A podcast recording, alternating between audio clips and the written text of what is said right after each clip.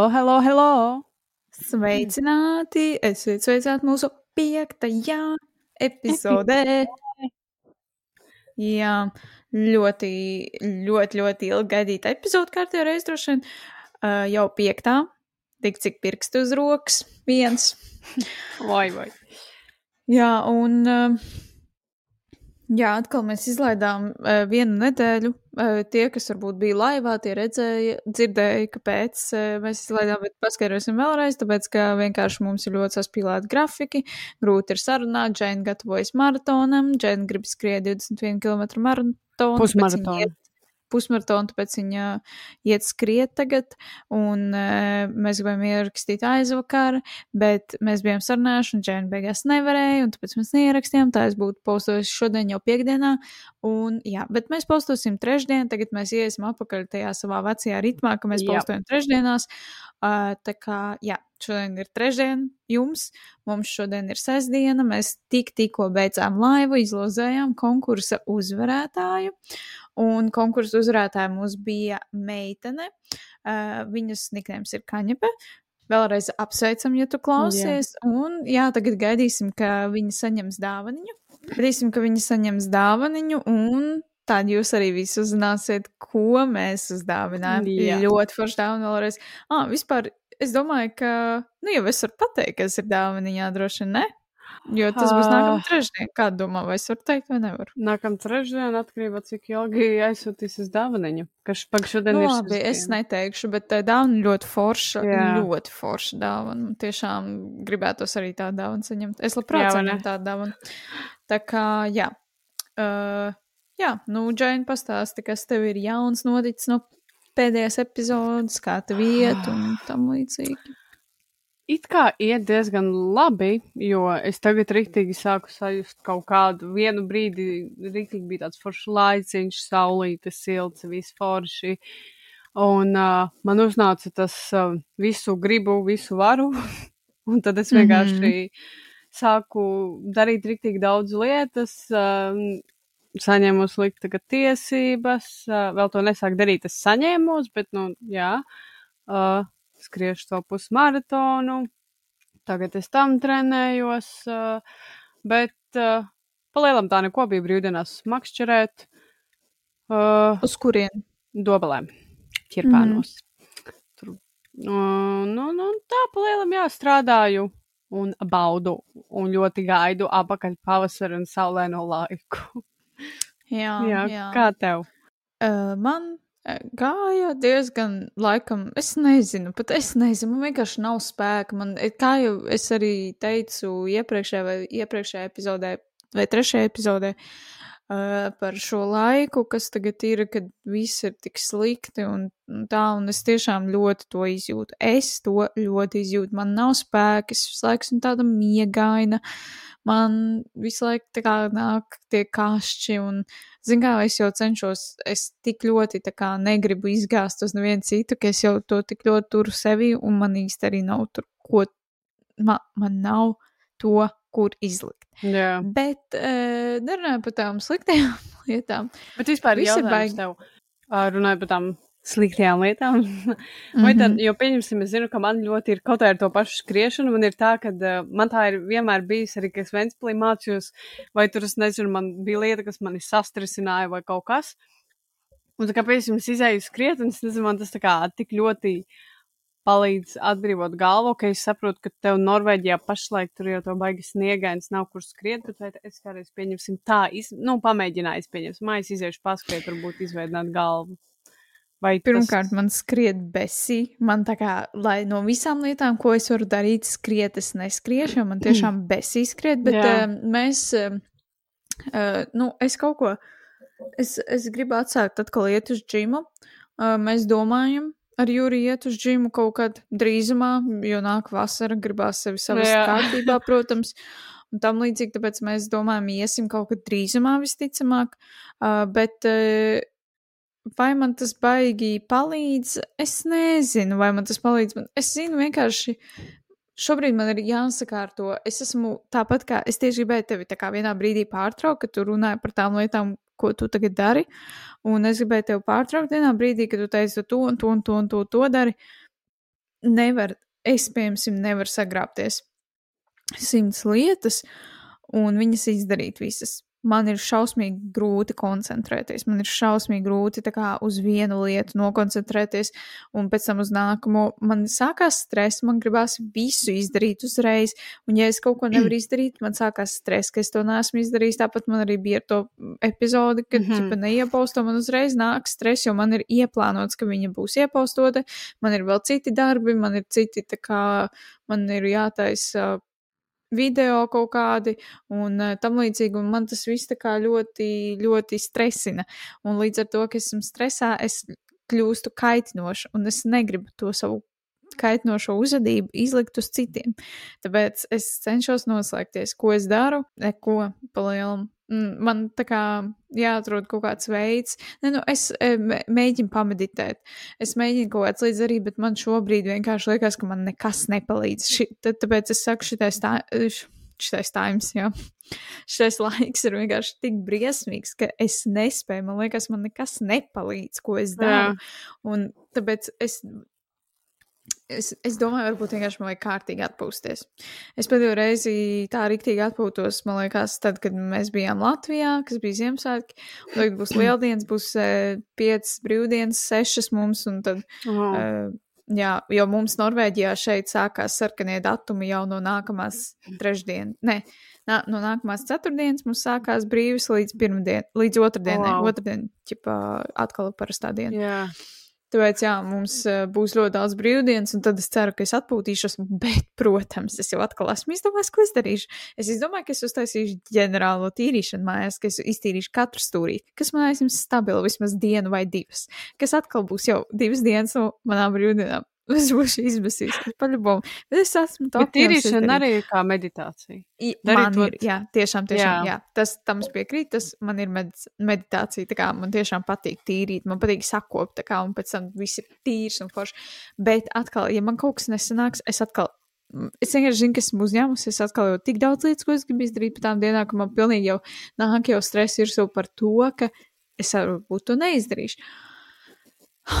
Vienkārši šis uh, laiks ir šausmīgs. Man besī reāli šis laiks. Nevar. Es pēdējā laikā. Es atkal esmu sākusi, nezinu, man kaut kā otrādāk. Man iepriekš bija tā, ka man bija rītīgi viss, nu, tā kā besi ārā un tā kā, nu, nu viss ir slikti. Bet tagad atkal tas, ka jā, es esmu varbūt saņēmusies tās lietas, bet man ir, pieņemsim, ja es saņemos kādu lietu, kas, pieņemsim, nav sporta ziņā, nu, kā šajā gadījumā, ja es saņēmu, pieņemsim, nolikt tiesības, uh, un šajā brīdī es vienkārši, nu, tā kā pašmācībā pašlaik tā kā nemācos, bet, nu, pildu tos CSDD eksāmenus, visu to, jo es gaidu algu, Jā. lai es varu to iesākt. Un uh, meklēju tās skolas un visu to. Un, ja es vien, vismaz vienu no kā, sav, savām apņemšanām savienoju ar sportu, tad kā, man tas ir tāds kombo. Jo man, tā, kad es sportoju, uh, man pēc tam ir tā kā rīktīgi, nu, es nevaru izskaidrot tos, kā, to sajūtu, bet man ir tāds man tāds jūtas, ka es varu izdarīt vienkārši visu. Tajā pašā laikā es vakar biju gatava, es atbraucu vakarā mājās no darba, tas bija pulkstens desmit, nu jā, desmitos vakarā. Un es biju gatava fiziski, morāli iet skriet. Es vienkārši biju gatavs braukt ar to autobusu, man tāds, es varētu mierīgi iet paskriet.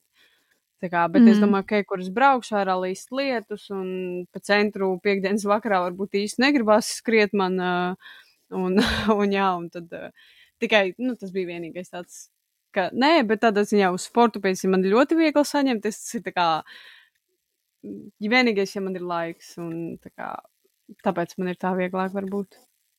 Nu jā, nē, nu man arī, man gribās, man tiešām patīk, man patīk tā sajūta. Es arī jūtos pēc sportošanas, ka es aizēju uz džimu, jūtos atvieglota, bet vienkārši šobrīd ir, nu es jūtu, ka man šobrīd ir tas laiks, kad vienkārši nogurusi. Man liekas, jā. ka esmu nogurusi vienkārši no visa. Bet, jā, visādā citādā ziņā viss ir ļoti, nu, tā kā viss ir ok.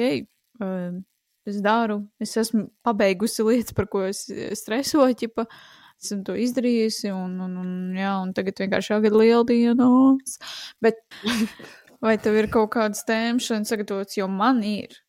Tev ir? Jo man ir. Man klāj vaļā, klāj vaļā. Ok, tātad es, es gribēju parunāt par deja vu. Par deja vu? Deja vu. Deja vu. Vai tu esi pieredzējis savā dzīvē deja vu? Un vai tu Un atceries kā varbūt tieši kādu momentu? Varbūt pasaki vienu piemēru, ja tev ir kāds, ko pateikt. Kā, kā tev tas ir izpaudies? Man ir tas um, darba vietā, kuras pašlaik strādāju, kā jau varbūt citi no maniem stāstiem tagad ir redzējuši, strādāju Dekatlonā. Un, eh, tu, tu tomēr atklāji, kur tu strādā. jā, nu, tāpat cilvēki redzēja, liekas, stāstījis. Un tad daudz īstenībā redzēja.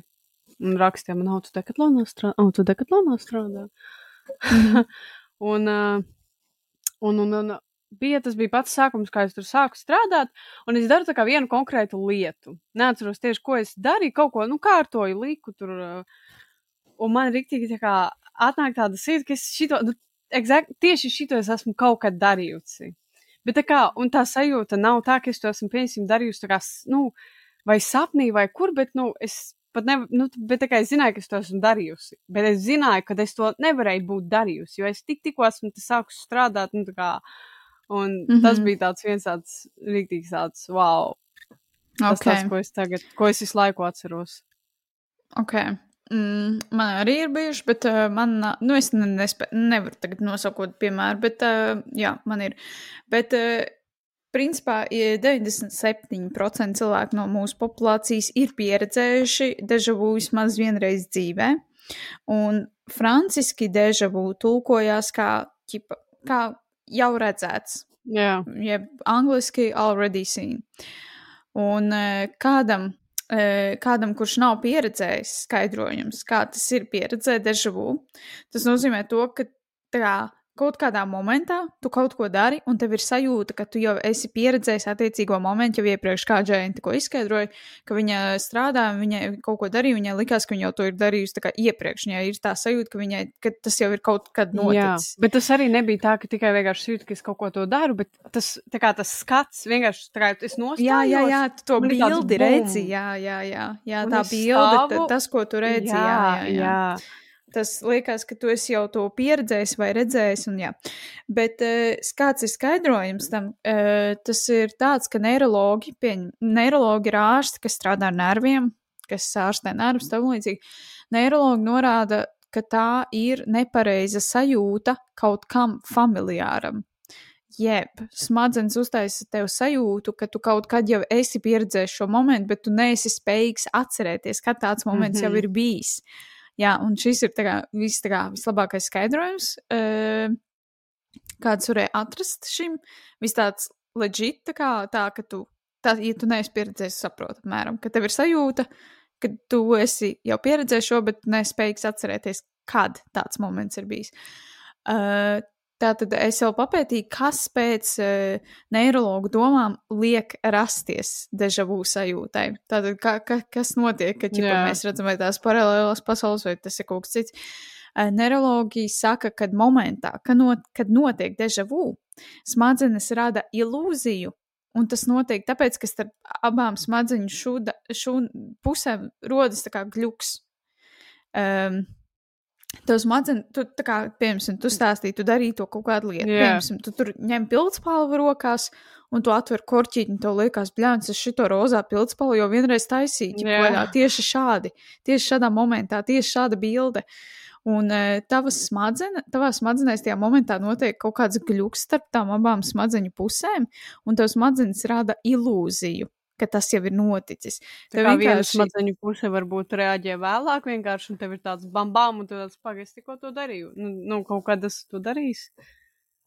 Uh, Tātad tas ir tāpēc, jo viena no smadzeņu daļām atbild par atmiņu par lietām, ko tu atceries. So, basically, varbūt tu kādreiz esi kaut ko līdzīgu darījis, vai arī nē, vai nu, kaut kas ir varbūt noticis, un tev rodās tajā momentā tāds tā kā atmiņas, un šī brīža tāds smadzeņu gluks. Tev tā kā tur aiziet pa īso kaut kas, un tev liekas, fakts, tas kaut kad jau ir noticis. Jā, bet eh, kad, kad tieši visvairāk var pieredzēt dežavu, vai kādi cilvēki, pieņemsim, cilvēki, kas daudz ceļo, jo tu atrodies ļoti daudz dažādās vietās, un tev var būt daudz kaut kādu notikumu. Uh, ja tu atceries daudz sapņus, es atceros ļoti daudz sapņus, bet man nav bieži dežavu. Un ja tev ir augsts izglītības līmenis, jā, tāda, ja tu esi vienkārši gudrs un ļoti daudz mācies, tad parasti veseliem cilvēkiem tas nenotiek bieži, tas notiek pāris reizes gadā. Mhm. Bet e, es tā e, tajā brīdī domāju, ķipa, cik man bieži apmēram tas notiek. Un es sapratu, jā, pāris reizes gadā tas ir. Jā. Tas nav varbūt pat vienreiz mēnesī, tas ir viena, Nē, vienreiz nē, divos nē, nē. mēnešos, ķipa varbūt, vai pat retāk, bet man tas nenotiek tik daudz. Un, um, bet ja tas notiek biežāk, ja tu to novēro regulāri m, katru nedēļu vai nu tā, tad vajadzētu doties pie neiroloģa, jo iespējams var būt kāda smadzeņu bojājuma.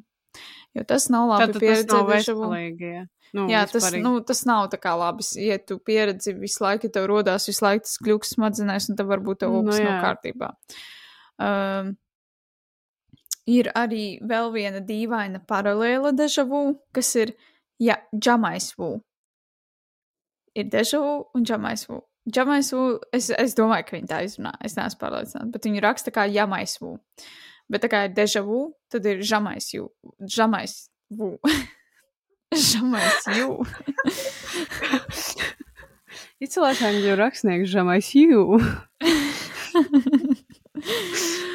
Jā, bet tas nozīmē, ja, ja nozīmē already seen, tad žamais fu nozīmē never seen. Un šis man likās ļoti interesanti, jo žamais fu nozīmē. Nespēju atpazīt situāciju, kurai loģiski būtu jābūt pazīstamai. Mm, tas noteikti ar mani ir noticis. Noteikti. Lai tas ir, jo es pēc tam lasīju tālāk, un ar mani arī tas noticis. Lai gan tas ir bieži saistīts ar amnēziju, tam, tam, tas ir vairāk nekā tikai īslaicīgs atmiņas zudums. Amnēzija ir vairāk nekā īslaicīgs Jā. atmiņas zudums, bet tas žamais, žamais vū ir tā kā īslaicīgs. Es nezinu. Smieklīgs vārds. Es domāju, citu vārdu. Jā. Tātad e, tā nav standar, standarta aizmirstība, tā ir dezorientējoša sajūta, ka tu kaut ko neatpazīsti, kad zini, ka vajadzētu. Svarīgi ir apzināties, ka tu zini, ka šī sajūta ir nepareiza. Ja tu to nepamani, tad tas nav bijis žamais vū. Uh, basically, tātad. Uh, ja tu, Ok. pieņemsim, tev tajā brīdī liekas, ka tu kaut ko neatpazīsti, bet tu sa saproti, ka tā sajūta yeah. ir nepareiza, tad tas ir žamais vū. tad tu vari kādam teikt, tad tā, ir tā sajūta, un tad saki, ej, man tikko bija žamais vū. Gadījumā tas žamais ir Žamais vū. Un tas cilvēks tev simts reizes pārprasīs, ko tu, ko tu to pateikt. Bet tagad klausos, tika veikts pētījums, un es uz to pētījumu tik ļoti relētoju. Um, tātad tika veikts pētījums, kur 90 cilvēkiem divas minūtes nonstopā lika rakstīt vārdu durvis.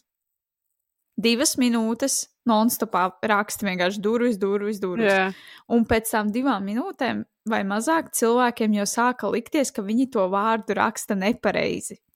Viņi šaubījās, kaut gan zināja, ka raksta pareizi. Un tas ir tas žemais mūks. Bet tas, tas ir tas pats, kas arī, ka tev, piemēram, liek kaut vai teikt to vienu vārdu vairākas reizes. Un tā kā jūt viņu, piemēram, kaut tu saki to durvis, durvis, durvis. Jā, ar jā. laiku sāk likties, ka, tā, kā, kas tas par vārdu, kas tas par saku, durvis, durvis, durvis, durvis. Jā, jā, jā, un tas ir žemais mūks. Un tieši, eh, tieši tad, kad es lasīju to eh, šito te rakstu, es tieši tajā momentā sapratu, jo es atcerējos, ka es arī kaut ko biju rakstījusi. Kaut kādu vārdu, un man likās, ka tas vārds izskatās nepareizi, bet Jā. Es zināju, ka viņš ir pareizs. Un tad man bija žemais mūks. es pieredzēju žemo mūku. Žamo. Um, protams, uh, jā, tātad, uh, protams, ka mēs nonākam arī pie konspirāciju teorijām, uh, kas varētu būt patiesībā deja vu. Un vien, dažas no konspirācijām, protams, ir tas, ko es pieminēju sākumā, ka tie varētu būt paralēlie visumi. To skaidro, ka iespējams tajā momentā, kad tu piedzīvo deja vu, kādā paralēlā visumā, tu piedzīvo tieši to pašu situāciju, un tādā veidā šie visumi krustojas savā starpā, radot tevī deja vu sajūtu.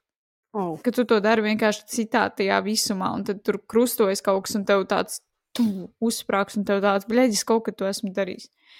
Otrais, kas ir, tā ir reinkarnācija. Tu zini, ko nozīmē reinkarnācija? Nē. Mhm. Pārdzimšana. tā kā. Vispārīgi, ah, nu, es tev tūlīt izskaidrošu. Vispārīgi reinkarnācija nozīmē, ka mēs esam dzīvojuši iepriekšējā dzīvē, pirms pārdzimām šajā dzīvē. basically tev iepriekš yeah. bijusi cita dzīve. Jā, Uh, ir cilvēki, kas actually atcerās lietas no iepriekšējās dzīves, atminas kaut kādus notikumus. Cilvēki, kas tic reinkarnācijai, apgalvo, ka mēs pārējām no vienas dzīves citā, neatceroties neko no pagājušās dzīves. Ja? Bet es e, kaut ko redzēju, man liekas, ka ķipa bērni, mazi bērni līdz trīs gadu vecumam, ka viņi actually atcerās savas iepriekšējās dzīves. Un ir bērni, kas stāsta, ko viņi ir darījuši. Jā. Un, e, ka, kas viņi ir bijuši, un viņi to stāsta tik tā kā clear, tā kā tas bērns nekad nezinātu, ka ir tādas lietas, jā, vai kaut kas tam līdzīgs, bet viņš actually stāsta tik daudz. Tā ir mana mamma bijusi, mēs to darījām, mēs šito darījām, un vienkārši tas ir tik ļoti fakta. Es arī vienkārši aizmirsti, jo ko tu atceries, ka tev Jā. bija divi gadi? Neko tu neatceries. Un tā kā tas, kas tev bija galvā, varbūt tu kā biji atcerējies savas iepriekšējās dzīves. Un uh, tā kā deja vu rodas neparastā apziņas līmenī, reinkarnācija skaidro, ka tajā momentā, kad notiek deja vu, mēs vienkārši atsaucamies uz kaut kādu līdzīgu momentu no savas iepriekšējās dzīves, kas, man liekas, visvienkāršākais un vis tā kā ticamākais tā kā konspirācija teorijas Jā. teorija. Jā, man liekas, šis ir vis tā kā, tā kā vairāk tā kā legit izklausās. Man ka, liekas, ja tu atceries, tad tu atceries. Jo, man liekas, es šito biju iepriekš arī tā kā biju iedomājies, ka tā varētu būt. Man liekas, ka vairāk cilvēku, nu, pieņemsim, arī tie, kuri pie, uh, ir pieredzējuši deja vu un tā kā, kā kaut kādā ziņā apzinās vairāk to, ka, o, pirmā doma ir, wow, varbūt tā kā es to esmu vienkārši darījis savā iepriekšējā dzīvē. Mm -hmm, jo es pirmo jā. reizi, nu, manuprāt, pirmo reizi vispār dzirdēju par to, ka tev tajā smadzenēs kaut kas notiek. Man arī visu laiku iekšēji bija tāds, "Ah, varbūt šis to darīs savā iepriekšējā dzīvē. Man nebija tas, mm -hmm. man Jā, jā, smadzenes jā. vienkārši nogļukoja. Jā, jā, jā. Tad tā, man liekas, tā ir tā, tā, ir tā sajūta, ko. Tā ir, tās ir tās domas, ko cilvēki varbūt visbiežāk iedomājas, kad viņiem notiek deja jā, jā. Un tad vēl viena lieta, kas ir, tas ir um, glitch, vienkārši glitch tā kā realitātē. Šī teorija ir viena no visaizraujošākajām teorijām, Mm. uh, jo deja vu var šķist mazsvarīgs mirklis dzīvē, kuru pēc tam drīz aizmirst, taču, ja šī teorija ir patiesa, deja vu patiesībā varētu būt fenomenāls notikums tavā dzīvē, kas nenotiek bieži normālam cilvēkam, Jā. veselam pēc ārsta domām. Gliča teorija apraksta deja vu kā īslaicīgu mūsu realitātes sabrukumu. Gluks. Einsteins teica, ka nav tādas lietas kā laiks, ka laiks ir cilvēka radīts, lai izveidotu kārtību un struktūru. Nav tādas lietas kā laiks. Laiks ir cilvēka radīts, lai izveidotu kārtību un struktūru. Jā. Tomēr laiks var būt vienkārši ilūzija, no kuras deja vu dod mums nelielu pārtraukumu. Tas izskaidro, kāpēc mums šķiet, ka mēs esam dzīvojuši mirkli iepriekš. Ja laiks ir izdomāta vienība, tad tas, ko mēs uzskatām par pagātni, tagad un nākotni, patiesībā viss notiek vienlaicīgi. Šis ir mindblowing, bet viņš tev ir tikai jāiedziļinās tajā, lai tu saprastu. Tad, tad, ja laiks ir izdomāts, tad tas nozīmē, ka tas, ko mēs uzskatām par pagātni, tagad un nākotni, viss notiek vienā momentā. Tāpēc, ka, kad no, notiek deja vu, mēs vienkārši nokļūstam augstākā apziņas līmenī, kurā spējam izdzīvot vairāk nekā vienu pieredzi vienlaikus. Šai teorijai ir arī plašākas sekas. Ja deja vu patiesībā ir glitch, tas var nozīmēt, ka mūsu visuma pamati tiek sabojāti ik reiz, kad rodas deja vu pieredze. Daži cilvēki izvirza hipotēzi, ka tie ir brīži, kad var pamanīt NLO, jo deja vu paver tiltus starp dažādām realitātēm. Šausmas. Šī ir viss tā kā tāda tiešām mūsu fenomena. tā kā. Jā. Bet es vairāk pieturēšos, man liekas, pie tās otrās. Pie reinkarnācijas? Iespējams. Es man visu laiku tas, nu, tā kā. Jā, Tā tas ir visu laiku tā līdzies. Jā, Jā, jā. jā. Un tā, tas, tas arī laikam vispār dežavu. Es uh, atceros, es vienā varbūt epizodē biju minējusi, es neatceros, vai tā nebija tā epizode, ko mēs neizlaidām. Neatceros. Bet uh, arī bija, es neatceros to konkrēto vārdu, bija tas deja vu, tavs, tavs tas otrs, kāds, kā viņam bija tas vārdiņš. Un uh, bija vēl viens, ja nemaldos, tas vispār bija Užādei. nezinu, neatceros. Tāpēc un... man, pēc tās epizodes arī izdomāju, ka es tev vēl teicu tajā epizodē, ka varētu parunāt jā. par dežavu, un tāpēc es arī tagad. Jo bija vēl tā kā, nevis, ka tu neatceries vai kaut kas, bet tas, ka tu, pieņemsim, kaut ko dari, un tu zini, ka tu tūlīt kaut ko, nu, tā kā, ko tu darīsi tālāk, tu jau zini bez maz vai kas notiks. Tā kā mm -hmm. tu, nu, bez mazliet pareģo. Un tas arī bija viens no tiem Jā. visiem šiem dežavu un tādiem mirkļiem. Un es pat tādu arī, pieņemsim, esmu pieredzējusi. Nu, ir bijis tā, ka es kaut ko daru, un man tāds tā kā iekšēji ir tāds, nu, tūlīt man, es nezinu, tur šīs pateiks to, un, un tā arī notiek. Jā, jā, jā. jā. Jā, man ar tā, man ar tā ir bijis, man tā bija pagājušo nedēļu, kas iedomājas uh, par vienu cilvēku, un tieši viņi atbrauc pie mums. Tā kā Es kā literāli iedomājos, un pēc divām minūtēm klauvēju pie durvīm. Kaut gan tas bija tik ļoti negaidīti, jo, nu, vienkārši, nu, parasti tā nav. Jā. Jā, nu tā, bet tev ir kaut kas sagatavots, tu gribi par kaut ko runāt, jo man ir vēl kaut kas sagatavots. Uh, man īsti nav nekas sagatavots. Viss, ko es varu pastāstīt, pateikt, ir tas, ka, hmm, jā, šo epizodu mēs ierakstām 1. aprīlī, aprīlī, aprīlī. Un, ah, jā, tiešām. Un es tādu tagad uh, lasu ziņas šodien. Un es lasu, un tur bija virsraksts, Igaunijā piedzimst visjaunākais bērns vai kaut, kaut kāds tam līdzīgs virsraksts. Un es tādu biju, domāju, kā, kā visjaun, nu, kā, nesaprotu, ķipā. Jā. Un tā kā ātrāk piedzimis, un tur tā vai kaut kas, un es sāku lasīt, un tur rakstīts, nē, tu kā piedzimis, un viņš ir visjaunākais cilvēks pasaulē, un es pēc tam domāju, vai, nu, tā kā, kas tur, es, es nesaprotu. Un es pati nu vēl uz leju, un tur bija tā, sveicam 1. aprīlī. Man bija tāds, man, paldies. Es reāli. Varēju minū... kaut ko interesantāku izdomāt. Es desmit minūtes sēdēju, es domāju, kāds, nu kā, kā tur būt jauna, nu kā, kāda iespēja, ka tu esi tā kā jaunākais cilvēks, un jā. Jā, tas ir. Es, es laikam nespiestu uz to virsrakstu. Es nespiestu. Man reāli tas neuzrunāt. Man uzrunāt kaut kas cits. Šodien viens, viens cilvēks, kam, kā es sekoju, līdzi. Viņš ir, nu, traders un tam līdzīgi. Viņš bija ielicis, ķipā, nu, viņš posto katru dienu YouTube video, un viņš bija iepostojis, uh, I sold my bitcoin, like my all, like bitcoins, I sold them. Un man bija tāds, what the fuck, tā kā, bļa, kas notiek. Un es, es tā kā tajā brīdī nepiefiksēju, kad ir 1. aprīlis, un man bija tāds nopietns, ķip, paskatos, bet viss, ķip, tā kā normāli, nu, tā kā nav nekas tāds. Mm -hmm. Un es domāju, kas noticis, vai es ziņas kaut kādas esmu palaidis garām, vai kaut kas šausmīgs ir noticis pasaulē, ka viss krēšo un tam līdzīgi. Un es, protams, iet tajā video, un viņš atkal pasaka, ķip, ka viņš ir pārdevis visus savus uh, bitkoinus, un man bija tāds, what? Un tad viņš tāds, happy Fool's Day, un man bija tāds, brēģi, es uzķēros, bet nē, nu, tāpat jau, šā vai tā es to video redzēšu, jebkurā gadījumā, bet, jā, bet um, tas, tas tā, jā, ko es tev uh, visi šodien, visi šodien, visi šodien var taisīt uh, reāli fake news un uz to reāli tā kā jā. uzvārīties riktīgi. Un nevienam nekas par to nebūs, jo ir official Fool's Day.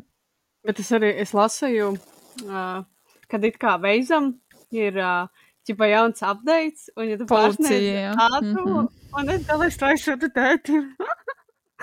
un es tādu aizsūtu, ķipa viņam. Ja lai viņš palasa, nu, lai nepārsniedz, zini, tur pabrīdinās, ja nekas, jo viņš ir veids un braucis un dažreiz un tā. Un, un, un pēc tam pēc kāda laika viņš man tur, ķipa, zvana, un viņš man prasa, nu, kā, nu, tiešām tā ir. Aizstāvis, ah, nē, es tā kā sāku tā kā tur lasīt komentārus. Jā, tas ir vienkārši arī vēl viens aprīļa. Jā, nots. jā es, es arī sākumā noticēju. Es jau paspēju to padot citiem cilvēkiem, nu, zini, nu, ķipo, ja kas uzmanāties, vai nē, un širā, nu, tas ir no viens puses tā, nu, mm sketčī. Nu, Man Jūris bija atsūtījis to video arī, un es ķip skatos, un man tāds, what the fuck, tā kā, Jā, kā tas strādā, jo veizam nav pievienota ne kārta, nekas, jo, nu, es, mēs lietojam veizu katru dienu.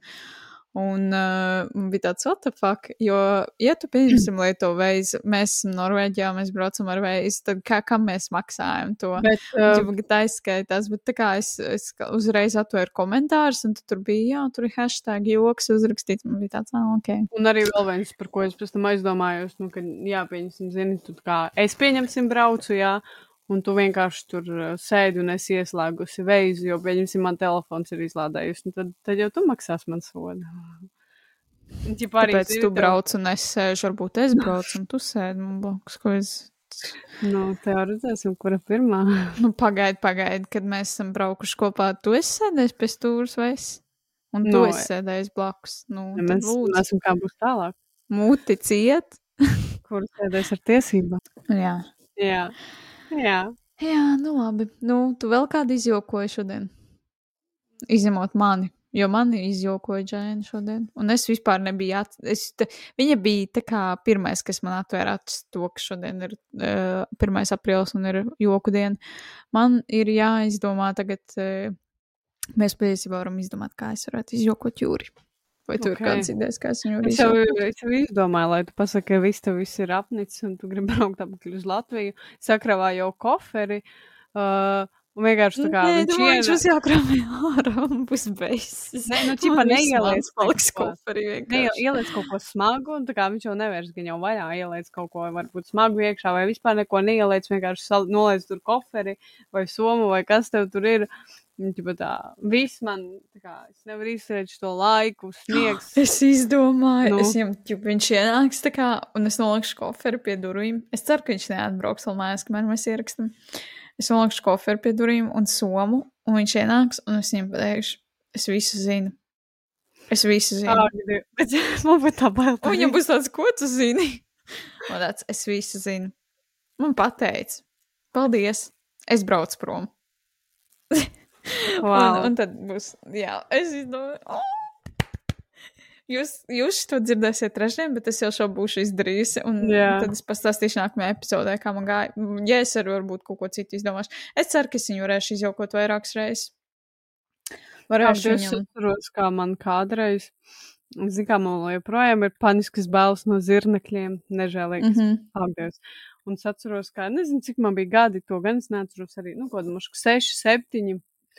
Un bija 1. aprīlis, un uh, man mamma pasaka, man uz galvas ir zirneklis. Ej, tu, es joprojām to atceros, kā es bļāvu, es skrēju pie miskas, tas es purinu sev macus. Tas bija vienkārši tik drausmīgākais joks manā dzīvē, tāpēc, ka, nu, reāli man ir pan, vienkārši paniskas bailes. Nu, ah, fuj, fuj, fuj. Bet man liekas, ka māma mums abām to teica, tāpēc, kad mēs abas baidījāmies no zirnekļiem. Un tā kā panis. kā visvieglākais joks, tā kā, lai mūs nenormāli nobiedētu. Jā, vai ne? Un pēc tam tāds aprīla prāva, tāds, mm, tā kā, es varēju reāli dabūt sirdstrieku. Ko? What you doing? You that? doing? What was that? Jā. Jā, interesanti. Es domāju, ka pagājušajā gadā vispār 1. aprīlī nevienu. Man liekas, Juris man izjokoja, bet es neatceros, kā viņš man izjokoja, bet viņš man izjokoja. Es, man nesanāk tie joki tā, bet šito, es, ko es teicu, to es izdarīšu. Jā. Galvenais man ir nesākt smieties, jo man liekas, ka es uh, sākušu smieties, un tad man būs tāds, bet neizdevās. Bet nav cerams, ka man izdosies. Ja, ja nē, Ja es vienkārši. sāc smieties, tad tālāk, ka tie ir tā kā, zini, ka tev viss ir apnicis un tu pilnīgi smejies smiežos. Nē, nē, zini, ir tie tā kā paniskie smiekli, ka tev viss vienkārši besija un tā kā, tev tā kā, kā lai saka, ir tik ļoti aizgājis ciet, ka tu pilnīgi smejies no tā tev Es zinu, es zinu, Nu, nu, es zinu, nu. nu. kā man būs, tie, man būs tas smaids, ja, ja uznāks vairs, man būs tāds, un es tev ticēju. Jā? Un es un tev arī tu ticēju. smieties. un es tev ticēju. Un sāk vienkārši raudāt. kāda losena es biju? Oh my god, this Jūs is saturies. literally. Jā. Un tad es vēl viņam uzrakstīšu. Vendi jau aizvācās. A, tu pateici, jā, kur viņš dzīvos? Pie manis nē. Jā. Tā, ui, uh, izgriezīšu to. Nevar teikt, kur es dzīvoju. Uh, jā, uh, tā kā tev nav nekas sagatavots. Jā, Pagaid, pagaid, tu esi bijusi slinka. Es neesmu bijusi slinka, man nevar Nē, nu labi, labi, es arī nebiju sagatavojusies uz vienu epizodu. Man arī īsti nekas nebija, nu tas viss kārtībā. Es vienkārši labi, ka es esmu sagatavojusies. Bet es tev varu kaut ko pajautāt. Nu, mums ir labi, vai nu tu Nu. sagatavojies, vai nu es sagatavojos. Bet Jā. uh, tu gribi runāt par numeroloģiju, vai tev ir kas cits? Jo es tad varu Man ir pieminēt. smash ar pēs. Ok, smash your pass. Let's go! Nu, ko tu vari pieminēt? Ne, es gribēju pajautāt. Uh, par tiem cipariem, ko es esmu redzējusi Ā, pēdējā ā, laikā. tad, jā, to, Nu, to to, tam to tad pēc tam. Jā, jā. Bija reāli. Almiņ, kāpēc neposto bija reāls vairāk? Nezinu, es man apnika kaut kā jau. Tīpas to literāli vienu dienu. Ne, man patiesībā dažreiz arī apnīk, bet, bet, bet, bet, bet, bet, uh, jā. Zinu, es Dažreiz. laiku lēts. Jo, Let be real vai kaut kas tāds man tas. Ah. Nē, man, jā, man, man, man, man, man dažreiz, es kaut kad neiepostoju divas dienas, un tad literāli var redzēt, ka tā kā man, esmu bijusi nogurusi, bet tagad es uztaisīšu bīrīlu. Tie, kas Davai. man bīrīlā, zina, ka es vienreizīt pārtaisīju. Un tu, you, you're not being real. You fake it till you make it. Ah, Kaut jūs visu šo redzētu. Kāpēc tās divas minūtes ātri paiet? Because you have to be real. That's the, that's the, that's the case. Mēs gaidām te visus. Smash or pass. Labi, es varu parunāties ar sevi. Nofčai. Jā, Super. Mēdīs teica, ka man nav par ko runāt, davai. jā Go bet nu, es, es, es izgriezīšu, es izgriezīšu brīžu. fine, it's fine. Tā, nu tā tad uh, smash or pass. Smash or pass. Gribu smash or pass parunāt uh, par TikTok aizliegumu Amerikā. Šis Ah. būs interesanti Klārai, jo Klāra dzīvo Amerikā. Uh, bet, uh, jā, vienkārši es baigi, nu, ķipā, red, es redzēju vienkārši, ka baigi, tieši tik tā kā es redzēju, ka baigi protestēja, ķipā, par to aizliegumu. Un pirmām kārtām, jā, es, uh, nē, es tev tagad neprasīšu, jo to es tev prasīšu, kad pa, paies viss šis, uh, ko es teikšu, un tad tu smēšos ar pēsos, un tad tu pateiksi, vai tu to atbalsti vai nē. Uh, jā, uh, bet basically vispār, kā tu domā, vai TikTokam ir laba ietekme vai slikta ietekme? Kā, kā, kā tu redz TikTok, kā pozitīvu vai negatīvu lietu? Uh, es viņu, ja godīgi redzu, kā pozitīvu lietu savā ziņā. Ne tādā ziņā, ka es tur varu pavadīt vienkārši lielāko daļu no savas dienas, ja man tajā nav ko darīt. Tādā ziņā, nē, bet uh, tur tā kā reāli tu vari atrast visu. Es varu ierakstīt, uh, nu, da jebko vienkārši tur, jebko, kaut vai kā sagatavoties maratonam, kā, kā Jā. nolikties, jebko, un es, nu, labi, tas, nu, arī es varu internetā ierakstīt jebkur, bet tur tā kā paskaidro ar video un arī ir kaut kas savādāk. Tādā ziņā, manuprāt, ir labi, kamēr es esmu uzsēdusies uz normāls for you page. Vienīgais, kas man tā kā nepatīk, ir tas, ka, ja es tur, vat, pieņemsim, es nezinu, tur, kad gāja tas uh, trākums ar to Selēnu Gomezu un Heliju Bīberi, ja, un es noskatos, pieņemsim, divus video pilnus pēc kārtas par viņām. Man viss for you page ir viņās. Un tad tas vairs nepaliek Jā. interesanti. Un tad man speciāli vajag atrast atkal kaut ko, kas man interesē, ko es sāku skatīties, viņš aizies normāli. Tas ir tāds viens uh, priekš manis. bet, uh, bet es nedomāju, ka viņš ir slikts tādā ziņā.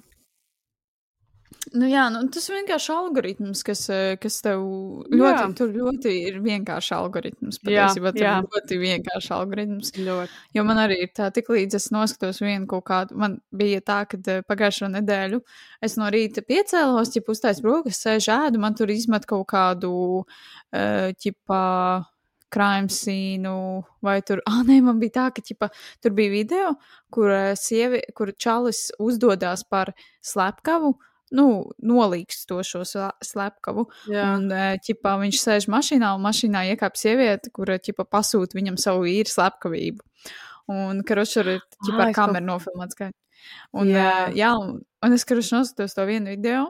Un, protams, man interesē, ko viņi tur tālāk teiks, ieeja tajā profilā, pastos tālāk, ķip, ko viņi tur saka un tam līdzīgi. Un, protams, man sāk mēst visādas crime sīnus un visu kaut ko tam līdzīgu. Man tur vēl izmet video, kur kaut kāds 15 gadīgs čels vienkārši trigger warning, bet viņš uh, uh, ar laikam ar cirvi vai ar kaut ko vienkārši savai mā, guļu mātei, kura gulēja, vienkārši sadauzīja visu seju. Šau. Un viņam, tā kā viņam, viņš, viņš runāja intervijā, es neatceros, vai tas arī bija pie doktora Phil, bet uh, viņš ķipa sēž tajā intervijā, un viņš runā ar viņu, un tas, tas čalis uzdod tam 15 gadīgiem čalam jautājums. Un viņš atbild ar tik krīpīgu balsi, ka liekas, ka viņā ir kaut kāds dēmons, literāli iemiesojis. Viņam ķipa prasa, tā kā, uh, ka, kaut, ko, kaut kādu jautājumu, un tā kā viņš tā kā kaut ko nomurmina, un tas izklausās, ka viņš saka, it wasn't me. Un tā kā tā- tik krīpī, un viņš pēc tam atbild viņam tā balss tāda, I didn't do this. Like, Like, literally. Džūringa skatījos. Man nepatīk šis. literally, tāda balss viņam bija. Un, uh, un, un, un, jā, un tu viņš tur visu tik sīki izstāstīja, tas čels, kā viņš to izdarīja, ka viņš smējās, Dievs. ka viņš to darīja, ķipa, viņš to izdarīja, jo viņa māte, ķipa, she didn't took care of them, nu, par viņu, viņa brāli un tam līdzīgi. Un Grošam visu laiku metās šādu video. Bet dažreiz Jā, es to bet, daru eh, on purpose. Dažreiz man ir tā, hmm, Jā, jā, jā, es taisu vakariņās, un es vienkārši sāku skatīties ēdienu video, un Un viņi tad man arī rādās. Jā, Jā, man tas jā. man patīk. Jā. Tādā ziņā, jā, tas ir labi. Bet um, runājot par to, vai tas vai TikToks ir labs vai slikts, atkal ļoti depends. Jo man personīgi nepatīk, ka mūsu mazā māsa, kurai ir astoņi gadi, ir TikTokā Jā. un ka viņa sēž TikTokā. Man tas nepatīk, jo man liekas, ka viņai nav tur vēl jābūt. Bet es zinu, ka var uzlikt ģipa vecuma ierobežojumus un tam līdzīgi. Bet uh, viņa tur neko sliktu, protams, nedara, bet man vienkārši nepatīk. Bet, ja tu tiešām, es uzskatu, ka tas ierobežojums no cik gadiem tas ir labi. Tā kā tas ir, tas ir Jā. vajadzīgs. Jo man liekas, bērniem, kas ir jaunāki par 12 gadiem, tiešām tur nav jābūt. Man liekas. Un es pilnīgi to atbalstu, jo man, nu, nu tā kā es saprotu, visus tie nezinu, ko bērnu brīvība vai, nu, te jau kas, bet, nu, padomā par viņu smadzenēm, kas viņu smadzenēs notiks, ja viņi kaut kādos desmit gados jau skatīsies kaut kādus TikTok video. Nu, basically viņi nespēs uztvert pēc tam informāciju, kas ir ilgāk par 15 vai 30 sekundēm. Un, jā, man vienkārši tāpēc man nepatīk. Bet, uh, from the other hand, kā tas ir forši, man patīk. kā Man ļoti, ļoti daudz ko iegūst no TikToka, un daudz ko saprotu, un uzzinu jaunu informāciju, kas man interesē. Uh, vēl kaut ko es redzēju, vēl TikTokā. Es gribēju pieminēt, bet es aizmirsu tagad. Ah, vo, bija atkal pagājušā nedēļa uh, school shootings Amerikā.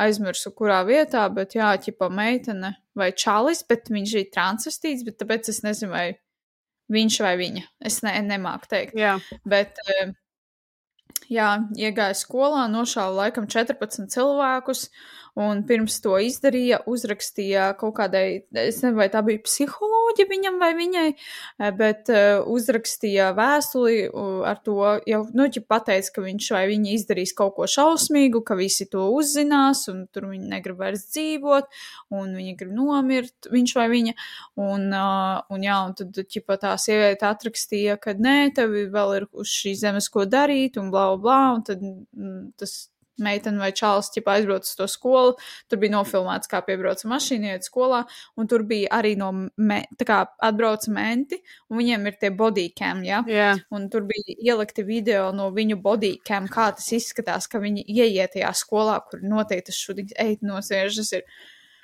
Bet es nesen man- redzēju, ka tagad uh, izdomā jaunus tā kā inventions tieši Amerikā skolās, kur tā kā varēs izvilkt, uh, nu, piemēram, ir siena, ir stūris, tā kā, jā, sienai. Mhm. Divas sienas, un tad tā kā skolotāji, un arī tās sienas ir izveidotas, lai to var izdarīt arī tur četrgadīgs bērns. Pavelk to sienu, un tad nu, viņi ir tā kā bulletproof, un tad uh, viņš izveido vēl mazāku istabiņu, kas ir basically, nu, tu iekšā viņā nevari tikt, viņa ir bulletproof, un tādā, un viss ir kroč bumbās. Un tad tur viss aiziet iekšā, aiztaisa ciet, un visi tur sēž. Tas, man liekas, ir ļoti, ļoti Jā, forši. bet then again, vai nav labāk vienkārši aizliegt ieročus Amerikā? Arī. Jo tā kā Amerikā ieroči ir atļauti un viņi ir tā kā. Bet tik un tā. Tajā, tajā ziņā nav tik un tā. Mums Latvijā nav, pieņemsim, atļauti. Te Norvēģijā arī tas nav atļauts, un neviens neiet un nešaudās atra, ja viņiem gribēs viņu atradīt, tas tas pats, kas Jā, ar bet, narkotikām. Ja ne- ne- aizliegtu, pieņemsim, paklausies, ja aizliegtu. Mm, mm, ja aizliegtu, Nē, es, es- nezinu, tagad um, tos pašus veipiņus, ko gribēja aizliegt, ko arī es lasīju, nu viņi var aizliegt, bet tik un tā tas ir tas pats, kas narkotika. Tu kaut ko aizliedz, un viņam uzrādīsies cits. Tā kā, nu, vienkārši tu viņus varēsi loģiski nopirkt, da jebkur citur vienkārši. Nu, Jā, bet ne, ne, nesalīdzina saltiņu ar ieročiem, kur tu Nu. nogalini cilvēkus. Jo tā, Latvijā tas nav aizliegts. Latvijā tu ieroci var iegādāties tikai uzrādot atļauju. Tikai uzrādot atļauju, kuru atļauju tu vari iegūt, es nezinu. Un tu vari iegādāties tikai kaut kādas šās, ja tev nav kaut kādas tur noteiktās atļaujas, ja kaut kas tam līdzīgs, tu vari iegādāties tikai kaut kādas šīs ar mm, uz uh, baloniņiem ieroči. Jo uh, Jurim ir uh, ierocis tāds, un viņš ir uz uh, tiem baloniņiem. Uh, es aizmirsu, kā viņam bija nosaukums un uh, pneimatiskā, man liekas, un uh, pneimatiskais ierocis. Un tu, jūras nevarētu iegādāties augstos ieročus. Nē, nē, Amerikā ne tas jau. ir fucking atļauts, jā, bet, bet vienkārši, ja tas tiktu aizliegts. Bet, ja tas, bet tas tiktu aizliegts, kā ja būtu šausmīgi stingri tam noteikumi, tam visam, tad būtu grūtāk viņus dabūt. Būtu vienkārši tie, tie bērni, tie cilvēki, kas taisa tos skolu šūtiņus, viņi jau viņus taisa, jo viņam ir kaut kāda iemesla, un viņi zina, ka viņi nomirs. Viņi zina, ka viņus nošaus, kad atbrauks policija un viņus nošaus. So basically viņi ir ar pašnāvnieciskām tieksmēm. Viņi vienkārši grib nošaut kādu, un pēc tam viņi zina, ka viņi nošaus arī viņus. Bet Jebkurā domā, ka arī gadījumā. tādiem vat, um, nu, cilvēkiem, piemēram, kas to visu dara, viņiem ir kaut kādas, um, mm, aizmirst to vārdu, uh, psih, uh, psihiskas, nu, kaut kas nav kārtībā. Un viņi, man liekas, bezsklī nemaz nevarētu iegādāties ieroci. Bet, nu, ir tak visu, tu vari dabūt jebko, da jebkur, tu vari dabūt pilnīgi visu, jebkur. Jā, tas- bet uh, in general tas samazinātos, bet tas Samazinātos, samazinātos daudz, bet, daudz eh, vairāk. Ja tu uztaisītu sienu skolā, skolu šūtiņi nemazinātos, viņi notikt, jo tā siena, nu, ķipa, ir, viņi ir ok, tas ir labi, tad mazāk mirtu, bet skolu šūtiņi par to nesamazinātos. Bet es redzēju video, kad uh, reāli. Uh, Amerikā neko ar to nedara vispār. Un šogad, šogad ir cik ir kurš tagad sākās 4. mēnesis. Amerikā ir notikuši 238 skolu šūtiņi no gada sākuma. 238. Ir tikai reāli viena daļa no gada pagājusi. Reāli. Tas ir nenormāli daudz, un tas nozīmē, kaut kādos tur nezinu, cik gados, vienkārši katru, katru dienu kaut kur notiek skolu šūtiņas Amerikā bezmazliet. Tas ir tas pats ir par, šausmīgi. Viņi ir ko- šausmīgi daudz. Un tas čalis, kas to stāstīja, viņš teica, ka, piemēram, laikam Austra, Austrālijā skolu šūtiņas nav noticis kopš kaut kā 2011. gada, Uh -huh. vai ir bijis viens, jo tur viss ir kā aizliegts, stingriem noteikumiem un tam līdzīgi. Arī Latvijā, tad, labi, Latvija salīdzinot ar kaut kādu Austrāliju, tas ir diezgan slūpi salīdzināt, bet ķipa, nav, nav tādas lietas bijušas, jo vienkārši ir stingri noteikumi. Un līdz ar to arī vienkārši būtu stingri noteikumi, tad tas notiktu vienkārši mazāk. Jā, Tas bija arī tas, okay. ko es uh, vienā citā epizodē, tā kā mēs runājam par to vilcienu avāriju, mm -hmm. uh, toreiz, ka arī, uh, kad cilvēki sāk runāt, ka notiek šādas lietas, ka gar skolām tur brauc un aiz šitādi visādi, kad sprākstošām vielām, vilcieni, vēl nezinu, kāds viss ir skolu šūringi, un tajā pašā laikā uh, par to nekas netiek darīts, bet par to, ko cilvēki tajā galā, tiem, kuriem ir kaut kāda vara, par ko viņi tur domā un lemj, ir, uh, tur pieņemsim, transvestītiem, vot sportus, visādas tādas lietas, viņi kaut ko tādu domā, bet tad, kad, nu, par šādām Jā, tiešām par lielām lietām vispār jā. neko. Jā, bet uh, runājot par TikTok, pieslēdzoties tieši tai Jā. pēstēm, ko es gribēju Okay. pastāstīt. Tātad uh, TikToku Amerikā grib aizliegt. Varbūt tu jau redzēji TikTokus, kur viņi tie, tiesā sēdēja Mhm. uh, ar to tur owneru, jā, Shoes. Nu, man liekas, tā viņam ir Showzy Jā. Shoe. Um, jā. Kroči likumdevēji Amerikā ir paziņojuši, ka virzās uz priekšu ar plāniem valstī aizliegt TikTok, jo lietotāji to starp viena no viņu kaut kādām kongresmenēm, Aleksandrija Okasio Kortese, izmanto lietotni, lai protestētu. Tas pats arī, kā tu teici jau iepriekšējā epizodē, kaut kādā, ka Latvijā grib aizliegt arī TikToku izmantot eh, augstas, augsta ranga personām vai amatpersonām Nē, uh, vispār viņš darbā, darba telefonos. vietās, jā, darba, jā. jā, jo viņš traucē vienkārši. Nu, vot. un likumdevēja sākums vērsties pret TikTok radās pēc tam, kad uzņēmuma vadītājs, šis te Šauzīčū, ceturtdien 5 stundas ieradās ASV pārstāvju palātas komitejā, kur abu pušu likumdevēji viņam runāja par valsts drošību un citām problēmām, kas saistīts ar lietotni. Tātad viņiem visvairāk, cik es sapratu, ir tā drošības puse, ka ķipa TikToks uh, izsako ierīces, Jā. datus mm. -hmm. kaut kādus par tavu atrašanās vietu tam līdzīgi. Bet, uh, Un, um, turpin. Nu, Nezinu, vai pieminēt par to, ka TikTokā, kur visur gāja tie video, un arī no vienas puses tas izskatās tā kā tā stulbi. Um, tur pieņemsim ā, tā korta tā vadītāja, ja viņa jautā tam TikTok ownerim, ķipā, uh, vai TikTokam ir jāpieslēdzās mājas internetam, vai viņš pieslēdzās savienojās, viņš tā saka, nu, jā, nu, tu nevari bez interneta viņu lietot. Jā, mhm. bet vai viņš tā kā ņem informāciju no tā Wi-Fi? Viņš tāds, nu, jā, viņam ir jāsavienojās ar Wi-Fi, lai tu izmantotu TikToku, kā lielākai daļai no visiem pārējiem. Jā, un tā kā viņa rikti, nu, tādi, tādi, mm, tādi jautājumi arī tādi. Mm. Jā, jā. Nu, es redzēju tos video. Jā. jā. Un, eh, jā, sociālo mēdīju centieni izceļ spriedzi starp lietošanas pieaugušo popularitāti un likumdevēja centieniem to aizliegt, jo TikTokā tagad ir vairāk nekā 150 miljonu lietotāju tikai ASV. Tikai ASV, pa ASV. Uh, un neskatoties uz tiem protestiem, varas iestādes ir gatavas ierobežot platformu Un svētdien ASV pārstāvju palātas spīkers Kevins Makartīs sacīja, ka likumdevēja virzīsies uz priekšu tomēr ar tiesību aktiem, lai novērstu nacionālās drošības bažas par TikTok, apgalvojot, ka Ķīnas valdībai ir bijusi piekļuva lietotnes lietotāju datiem. Un Amerikas Savienotajās valstīs ar vien vairāk izskan aicinājumu aizliegt TikToku, kas pieder Ķīnā bāzētiem uzņēmumam ByteDance, vai pieņemt abu pušu tiesību aktus, lai Joe Biden admi administrācijai piešķirt juridisks pilnvars pieprasīt aizliegumu. ASV valdībai piedarošajās ierīcēs nesen tika aizliegts instalēt TikTok lietotni. Jā. Tas pats, ko Latvijā palielam grib izdarīt. Un, eh, jā, ceturtdien sēdēja tas, ko tu teici, ka TikTok izpildu direktoram tika jautāts, vai lietotni ir izspiegojis amerikāņus pēc Pekinas pieprasījuma. Nē, tas, tas čels pateica nē.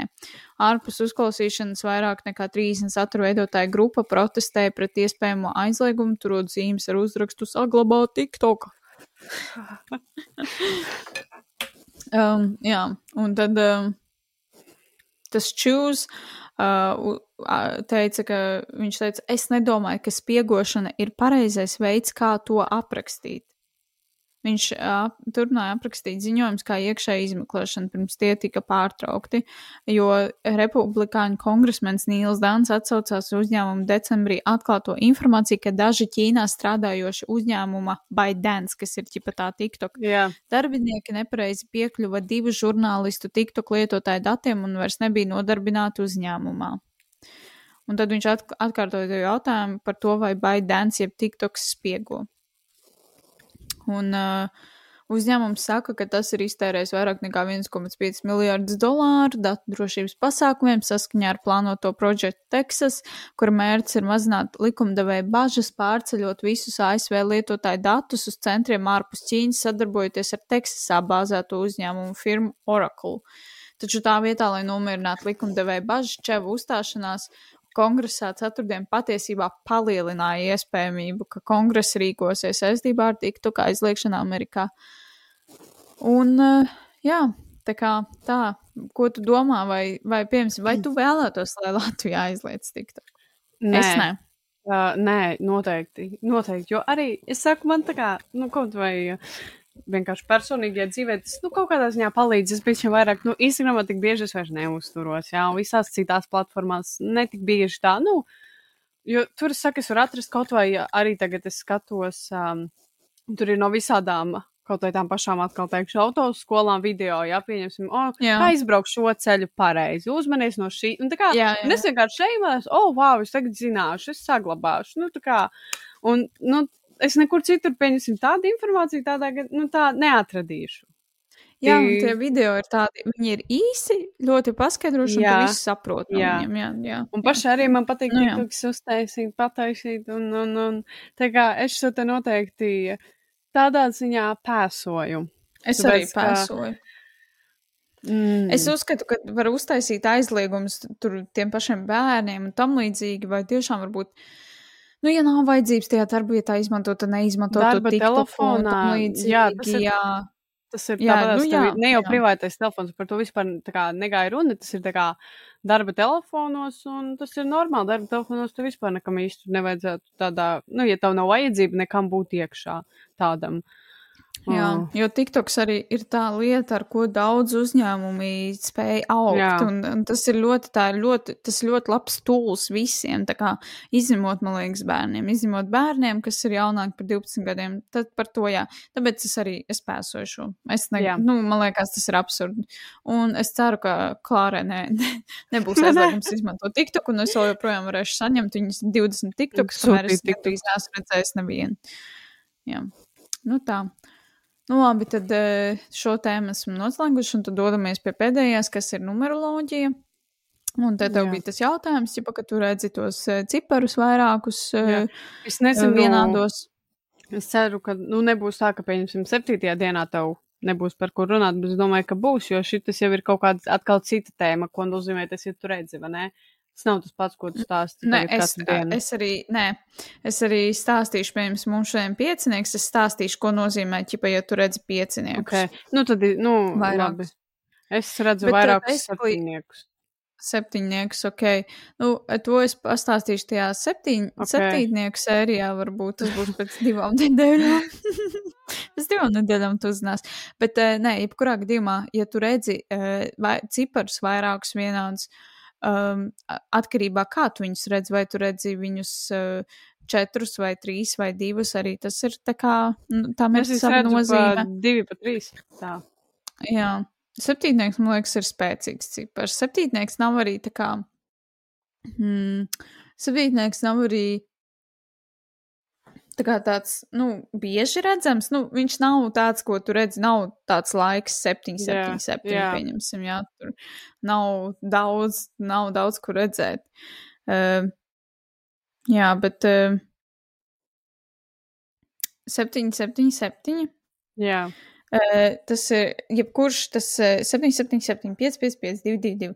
Jebkas, ko tu redzi, jebkuri vienādie skaitļi, tie nozīmē, ka tev tiek dota, protams, kaut kāda zīme, kaut kāda mm. -hmm. ziņa. Tie ir angel numbers. Un katrs no šiem numuriem, cipariem nozīmē kaut ko savu. Ja, uh, ja tu redzi vairākas reizes, tad tu vari droši paskatīties, ko tas nozīmē internetā. Bet 7, 7, 7 nozīmē to, es pateikšu. Es pateikšu. Okay. 777 nozīmē to, ka tev ir jāfokusējas uz sevi. Tev ir jāfokusējas uz sevi, saviem darbiem, savām lietām. Um, um, tev tā kā jāpabūst vienai.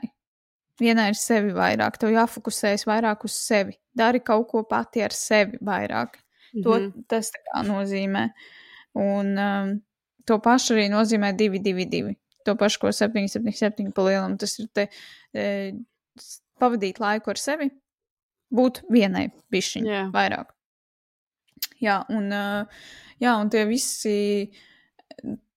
Tas, nu, tas ļoti atkarīgs no situācijas. Tu tajā momentā, protams, kā jau es teicu vienā epizodē, ka visa informācija, ko tu izlasi internetā par tādiem cipariem vai kaut ko tam līdzīgu, tev viņa nav jāņem tieši.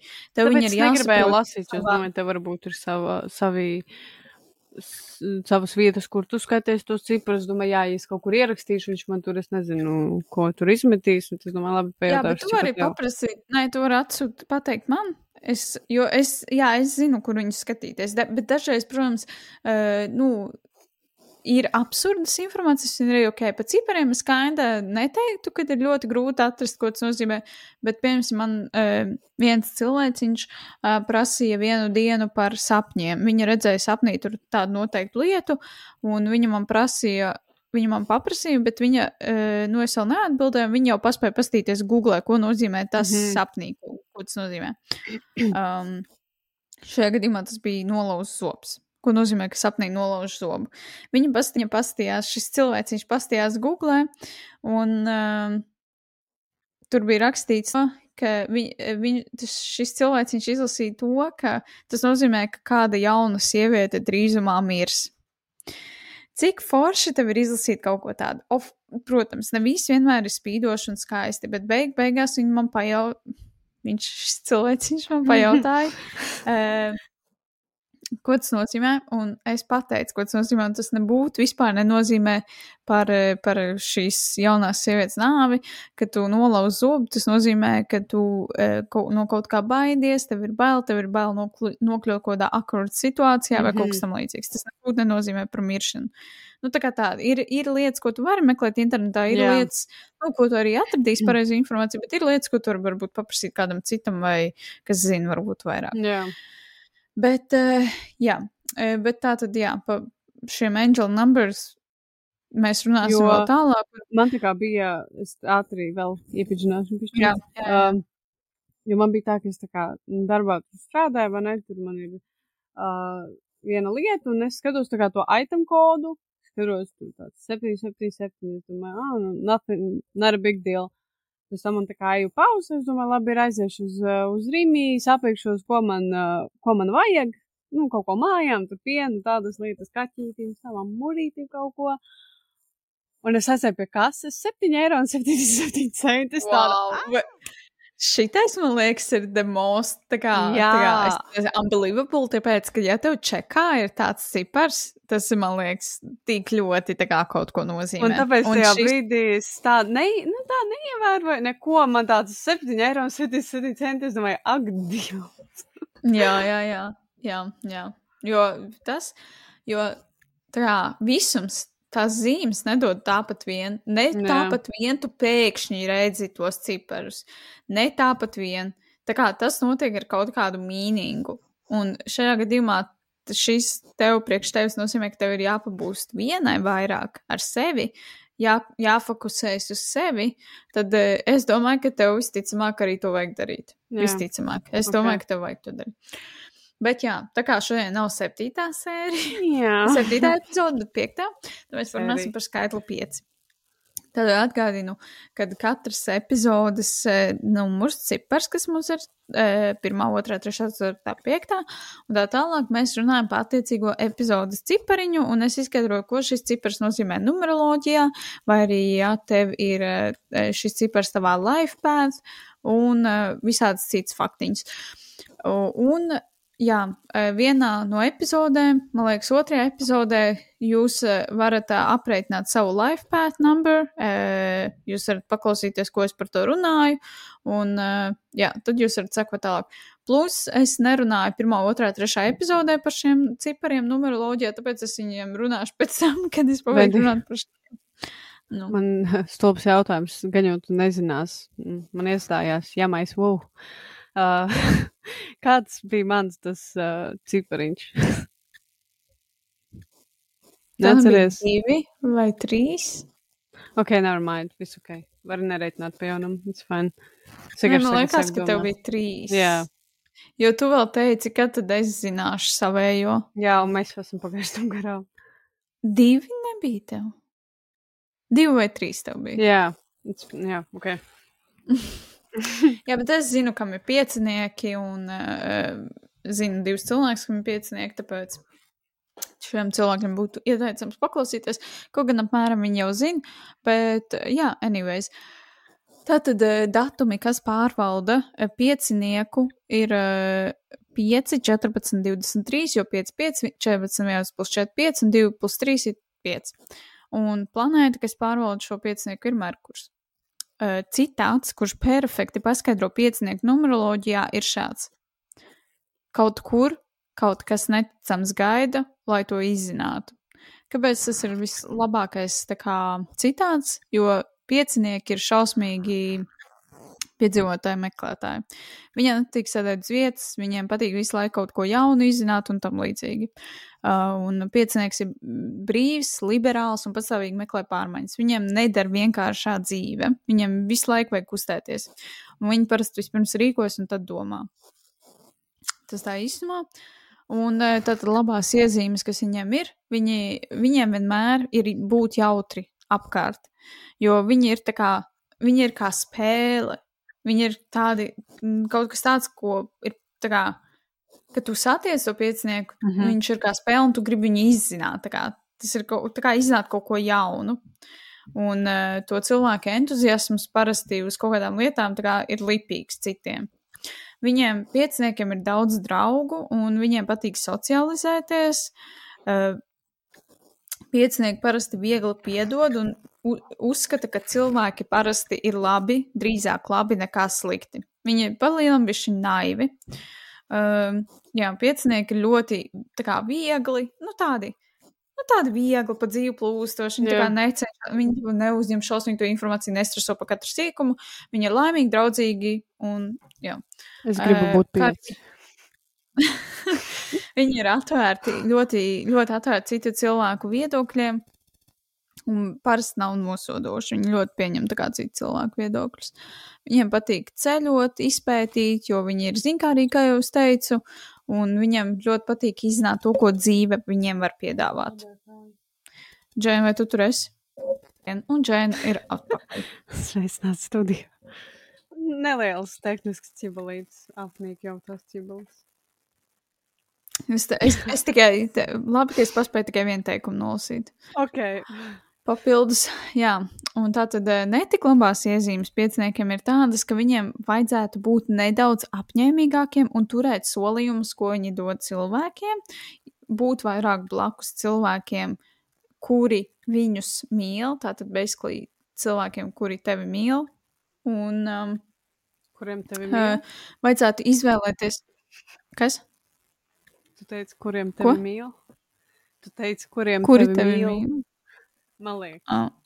Apkārt cilvēkiem, kuriem tu, nu, varbūt. Uh, jā, jums vajadzētu izvēlēties atrasties uh, pareizajā sabiedrībā, jo bezatbildīgi draugi vienkārši pasliktinās jūsu neapdomīgo rīcību, un jūs kļūsiet tādi paši kā viņi. Uh, jums ir ļoti viegli pierast pie kaut kādiem ieradumiem, uh, piemēram, pie sliktiem ieradumiem, kas ir saistīti kaut kādā ziņā ar prieku un atkarību. Jums ļoti viegli palikt atkarīgiem no kaut kādām tādām lietām, kas izraisa prieku un ātru atkarību. Um, līdz ar to ir jābūt uzmanīgiem ar to, ko jūs darat. Palielam, es nezinu, tā var būt arī pīpēšana, dzeršana tam līdzīgi. Uh, jums ir jāpieliek apzināts pūles, lai izvairītos no bīstamām atkarībām arī. Tad šis, man liekas, ir vairāk tā tādas heavy lietas. Un, uh, jā, jums ir jā, jāievieš savā dzīvē vairāk disciplīna, pretējā gadījumā jūs varat palikt bez paliekošām vērtībām. Un arī jums nevajadzētu pagriezt muguru situācijām vai cilvēkiem, no kuriem jūs varat mācīties visvairāk. Kā nepalaidiet garām iespējas, kas jums ir dotas, jums ir apkārt cilvēki vai, vai situācijas, kas jums var kaut ko iemācīt. Ne, negrieziet savu muguru un ņemiet informāciju un uzlādējieties no tā. Jā, kā karjerā pieciniekiem ir, par cik piecinieki ir ļoti brīvi, Viņi ļoti labi komunicē. Un piecinieki ir labi visās profesijās, kur notiek komunikācija. Tas ir piemēram advokāti, pārdevēji, sabiedriskie darbinieki, izpildītāji, slavenība aģenti, ceļojuma aģenti, pasniedzēji un konsultanti. Numur pieci laimīgās krāsas ir visas gaišās krāsas. Tās ir vislaimīgākās, bet vis, visveiksmīgākās ir visas gaiši pelēkās krāsas, tieši tādi pelēcīgie toņi. Un tad tiem, kas varbūt redz pieciniekus daudz, pieci, pieci, pieci, pieci, pieci, redzot pieciniekus, tas nozīmē, ka ir jums iespējams neizbēgamas pārmaiņas priekšā. Līdz ar pārmaiņām rodas iespējas, un jums nevajadzētu atlaist jaunus sākumus savā dzīvē.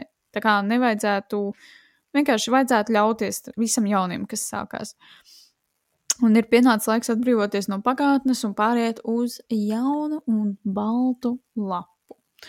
Uh, tad to, tas vēl var nozīmēt to, ka izaugsme var radīt laimi, neatkarīgi no tā, vai tā ir personiskā, emocionālā, garīgā vai pat profesionālā izga, izaugsme. Galu galā jūs atklāsiet, ka tas viss ir tā vērts, jo, kad jūs spējat augt un progresēt, jūs kļūstat laimīgāks, dzīvespriecīgāks cilvēks. Tad 5, 5, 5, 5 parasti nozīmē uz pārmaiņām vairāk. Ja? Bet, ja jūs redzat e, četrkāršu piecinieku, tas ir saistīts ar brīvību. Tātad tas nozīmē, ka jūs esat ceļā uz neatkarīgu dzīvi, dzīvesveidu, kurā varat baudīt autonomiju un piedzīvojumus. Un ir pienācis laiks saraut saites, kas jūs saist ar pagātnes bagāžu un sagatavoties tam, lai beidzot paceltos un planētu kā putns debesī. Cik skaisti. Paldies! Jā. Gribu būt pieci. Un laimīgie piecinieki. Ne? Gribu, lai man ir daudz draugu. Labi, nē, es negribu. Jā, bet uh, jā. Es, es zinu šos pieciniekus, divus cilvēkus, un uh, es saku, jā, ka viņi ir tādi cilvēki. Jā, pie, viņi, viņiem abiem piemīt šīs īpašības, un jā, Tu viņi ir tādi cilvēki. Jā, smash ar pieci. Smash! Uh! Okay. Nu tā, nu laikam tad mums ir jābeidz šī epizode. Jā, Laikam gan. laikam gan, jā. Tik ātri īstenībā tā stunda paiet. Jā, ļoti ātri. Bet es Jo nezinu, liekas, ka mēs iepriekš uh, runājām kādas 5 minūtes, paskatos, un ir jau pusstunda. Man tāds, oh, wow. jā, jā. Tā Vēl ir. 5 minūtes, un būs stunda. Jā. Nu tā, tā kā paldies visiem tiem, kas klausījās. Paldies visiem, apsveicam kas- joprojām uzvarētāju. Jā, jā, tieši gribēju teikt paldies arī visiem, kas piedalījās mūsu konkursā. Uh, šīs nebūs vienīgais konkurss, būs vēl, kā jau es teicu, un, un, un klausieties lūdzu mūsu epizodes, jo mēs nestāstam stulbības, mēs runājam tiešām interesantām lietām. Un, uh, jā, cerams, uh, ka jums būs visa šī nākamā nedēļa, kas būs laik, no trešdienas līdz nākamajai trešdienai. Cerams, ka jums šī nedēļa būs forša, priecīgs visiem, protams, lieldienas arī. Jā. Atpūtieties, ēdiet olas, krāsojiet olas, ripiniet olas, Ēdiet olas ar sāli, nesitiet kā vistas. Jā, jo Nesiet vistas, jā, nesitiet vistas, jo vistas ir tās, kas dēļ olas, kuras mēs ēdam. Uh, nediet mazus cālīšus, nediet nagetus, un, jā, Tagad būs veģetārieta. nē. Nu tā, ok, labi. Paldies visiem, kas Jā. klausījās vēlreiz, un tiekamies Jā. vēl nākamnedēļ. Atā! Atā! Podkāsts iedomās.